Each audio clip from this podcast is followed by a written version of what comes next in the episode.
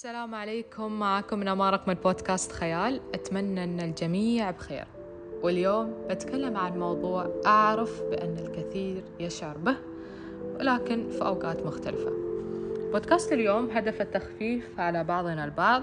لعل وعسى الكلام اللي بقوله اليوم يجعلكم أو يجعل المستمعين يحسون إنهم مو بالوحيدين اللي يمرون بهذه التجارب. طبعا عنوان الحلقة اليوم قادر على الكثير ولكنك محبط. شعور الإحباط هو شعور الانزعاج وخيبة الأمل. بعدما أن هالشخص ما حقق رغبة من رغباته أو هدف من أهدافه لنقل. طبعا هالشيء دائما أقول أن الإحباط مرات يعني يولد القلق لنقل.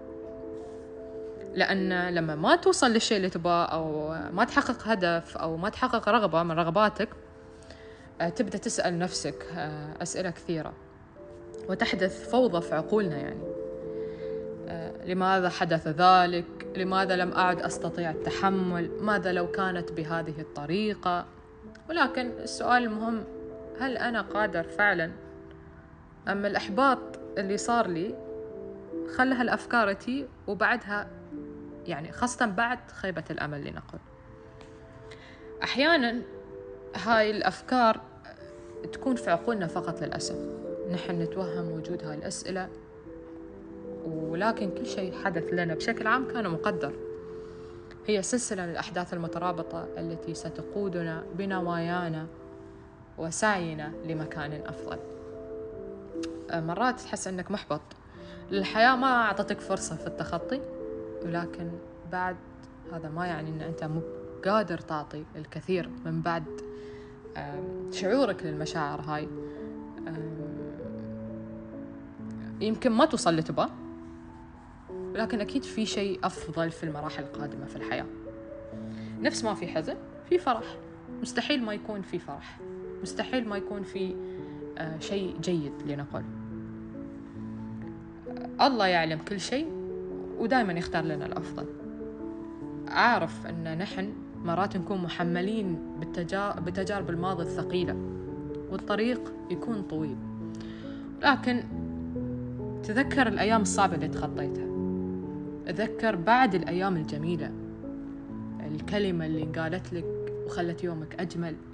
مكالمة مختلفة كانت كفيلة بتغيير الكثير أو ابتسامة من أحد العابرين اللي أنت أصلا ما تعرفهم. الحياة آه، مو بمستقرة ومشاعرك تتغير على حسب الوضع. ولكن بعد هذا مو بسبب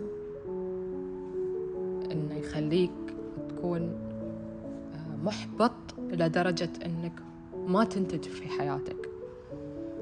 القوة موجودة بداخلك بس عليك تظهرها أو تجددها على حسب الحالة. هذا الكلام إهداء لكل شخص محبط حاليا.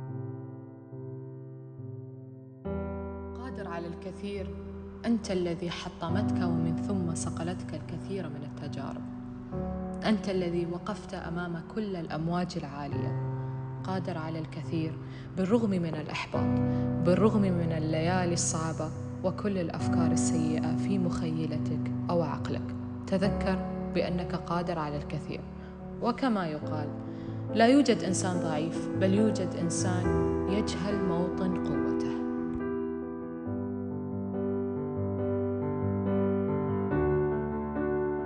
وصلنا لنهاية حلقة اليوم. أتمنى تكون خفيفة عليكم. شكرا لحسن استماعكم اليوم ونلقاكم قريبا في حلقة أخرى من بودكاست خيات